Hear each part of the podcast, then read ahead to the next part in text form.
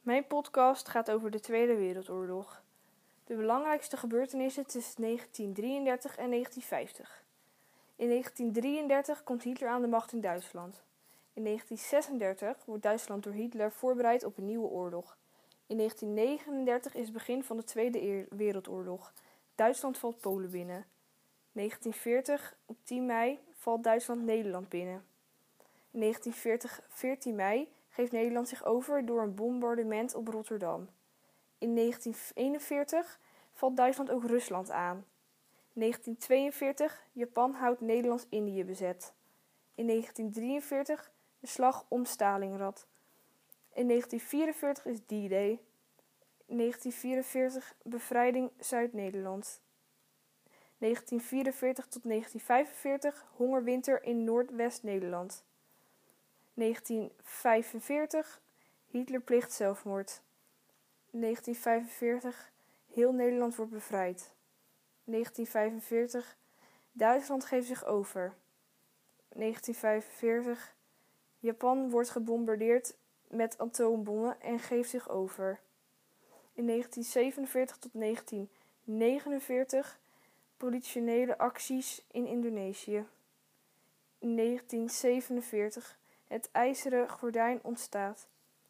In 1949 Nederland erkent onafhankelijkheid van Indonesië. Hitler had een hekel aan Joden. Het is niet echt duidelijk waarom Hitler Joden haatte, maar hij heeft een boek geschreven genaamd Mijn Kampf. In dat boek heeft hij geschreven dat zijn Jodenhaat is ontstaan toen hij in Wenen woonde en werkte als schilder. Hitler gaf de Joden de schuld van alle ellende. De oorzaak van de Tweede Wereldoorlog was de aanval op Polen van Duitsland. Hitler wou geen loopgravenoorlog. Hij wou zo snel mogelijk zoveel mogelijk gebieden bezetten. Dus voerde hij een blitzkrieg uit. Hitler wou de Joden uitroeien door ze naar concentratiekampen te sturen. Op 10 mei 1940 vielen de Duitsers Nederland binnen. Het leger van Duitsland was veel groter en sterker dan dat voor Nederland. Na vier dagen vechten bombardeerden de Duitsers Rotterdam. Daarbij kwamen minstens 800 mensen om het leven. De Nederlanders gaven zich over en vanaf 15 mei 1940 was Nederland bezet door de Duitsers. In het begin gedroegen de soldaten zich netjes. Ze zagen Nederland als een soort broederland, maar zo zagen de Nederlanders het niet. De meeste Nederlanders durfden zich niet te verzetten of te vluchten. Sommigen hielpen zelfs de Duitsers of gingen in het leger. Maar toch waren er Nederlanders die in het verzet gingen. Die mensen deden er alles aan om de Duitsers tegen te werken. Ze hielpen bijvoorbeeld onderduikers of vermoorden zelfs NSB'ers of Duitse soldaten. Ondanks dat het wel heel gevaarlijk was. Een voorbeeld van een NSB'er is Anton Moesert. Hij was de leider van de Nederlandse politieke partij NSB. Hij was het eens met veel ideeën van Hitler. Als je Joods, zigeuner, homoseksueel of psychiatrisch patiënt was, was de oorlog vooral heel zwaar, want daar had Hitler een hekel aan. Toen Nederland bezet werd door de Duitsers, bedachten de Duitsers gelijk discriminerende regels. Bijvoorbeeld, Joden moesten zich registreren en kregen een J op hun persoonsbewijs gestempeld. Veel openbare plekken waren verboden voor Joden en Joden moesten een gele Davidster op hun kleding dragen. Joden kregen langzaam steeds minder rechten. Ook werden Joden naar concentratiekampen gebracht. Concentratiekampen zijn kampen waar tijdens de oorlog mensen werden opgesloten en moesten werken. Het bekendste grootste concentratiekamp is Auschwitz in Polen. Vanaf de zomer van 1942 begonnen de razzia's. Joden en sommige zigeuners werden opgepakt en via kamp Westerbork met treinen naar vernietigingskampen gebracht. Een vernietigingskamp is een kamp speciaal gebouwd om zoveel mogelijk mensen te vermoorden. Er, werden, er werd mensen verteld dat ze zouden douchen, maar in plaats van water kwam er gas uit de douches. Die kamers heten gaskamers. Zo hebben de Duitsers uiteindelijk 6 miljoen Joden vermoord. Dit kreeg later de naam Holocaust. Op 6 juni 1944 kwamen de Canadezen, Engelsen en soldaten uit nog veel meer landen uit met duizenden schepen op Frankrijk af. Deze dag wordt D-Day genoemd. Er werd heel hard gevochten en er vielen duizenden doden. Uiteindelijk veroverden de geallieerden een stukje Frankrijk.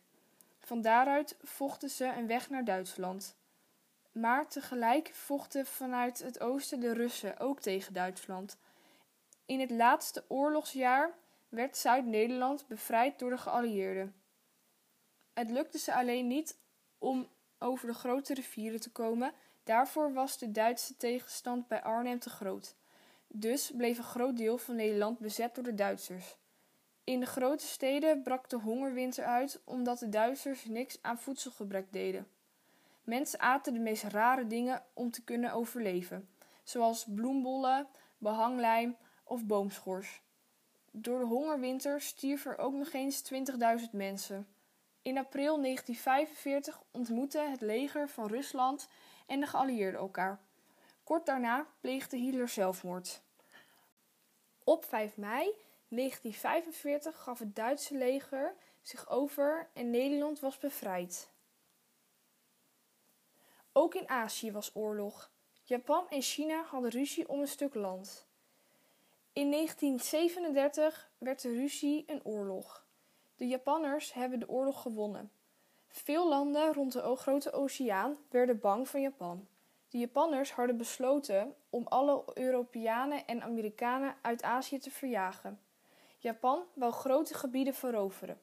De Nederlanders uit Nederlands-Indië werden in concentratiekampen opgesloten. Die kampen werden Jappenkampen genoemd.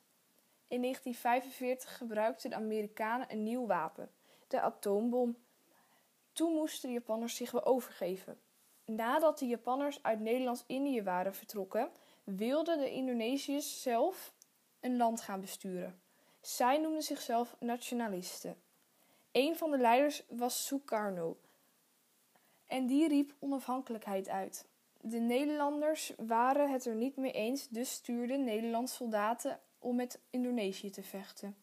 Maar tijdens de politionele acties gingen er duizenden Nederlanders en tienduizenden Indonesische soldaten dood. Toch lukte het de Nederlanders om de nationalisten te verslaan. Maar na de oorlog had Nederland de hulp van Amerika nodig om alles weer op te bouwen. De Amerikanen dreigden niet meer te helpen als Nederland doorging met de strijd in Indonesië. Nederland had toegegeven en in 1949 was Indonesië een onafhankelijk land. Na de oorlog spraken de overwinnaars af dat Duitsland in stukken zou worden opgedeeld. De belangrijkste geallieerden kregen ieder een deel en dat waren de Sovjet-Unie, Groot-Brittannië, de Verenigde Staten en Frankrijk. De Verenigde Staten, Frankrijk en Groot-Brittannië gingen al snel samenwerken en voegden hun gebieden samen. Maar de relatie met de Sovjet-Unie werd steeds slechter.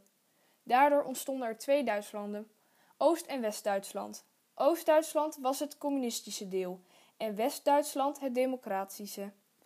Omdat ze het over Berlijn niet eens konden worden, werd hij ook in tweeën gesplitst. Het verschil in het, tussen het leven in het democratische en het communistische Duitsland was groot. Stalin was de leider van de Sovjet-Unie. Hij was communistisch.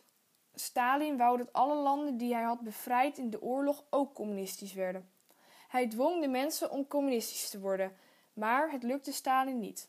De mensen werden erg bang voor Stalin. Ze wisten bijna zeker dat ze een slechter leven zouden krijgen als hun land communistisch zou worden. Dwars door Europa werd een streng bewaakte grens gebouwd. Deze grens noemden de mensen het IJzeren Gordijn. Winston Churchill was de leider van Groot-Brittannië. Hij was het niet eens met het IJzeren Gordijn. Tijdens een toespraak in 1946 zei hij: Dit is niet het vrije Europa waar wij van droomden. In 1948 ontstond een probleem in Berlijn. West-Berlijn lag namelijk midden in Oost-Duitsland. Stalin vond dat West-Berlijn bij Oost-Duitsland hoorde, dus sloot hij alle wegen naar West-Berlijn af. Er dreigde toen hongersnood voor de West-Berlijners. De Amerikanen en Engelsen brachten met bommenwerpers uit de oorlog voedsel en spullen naar de stad. Na een jaar gaf Stalin het op. Dit was mijn podcast over de Tweede Wereldoorlog.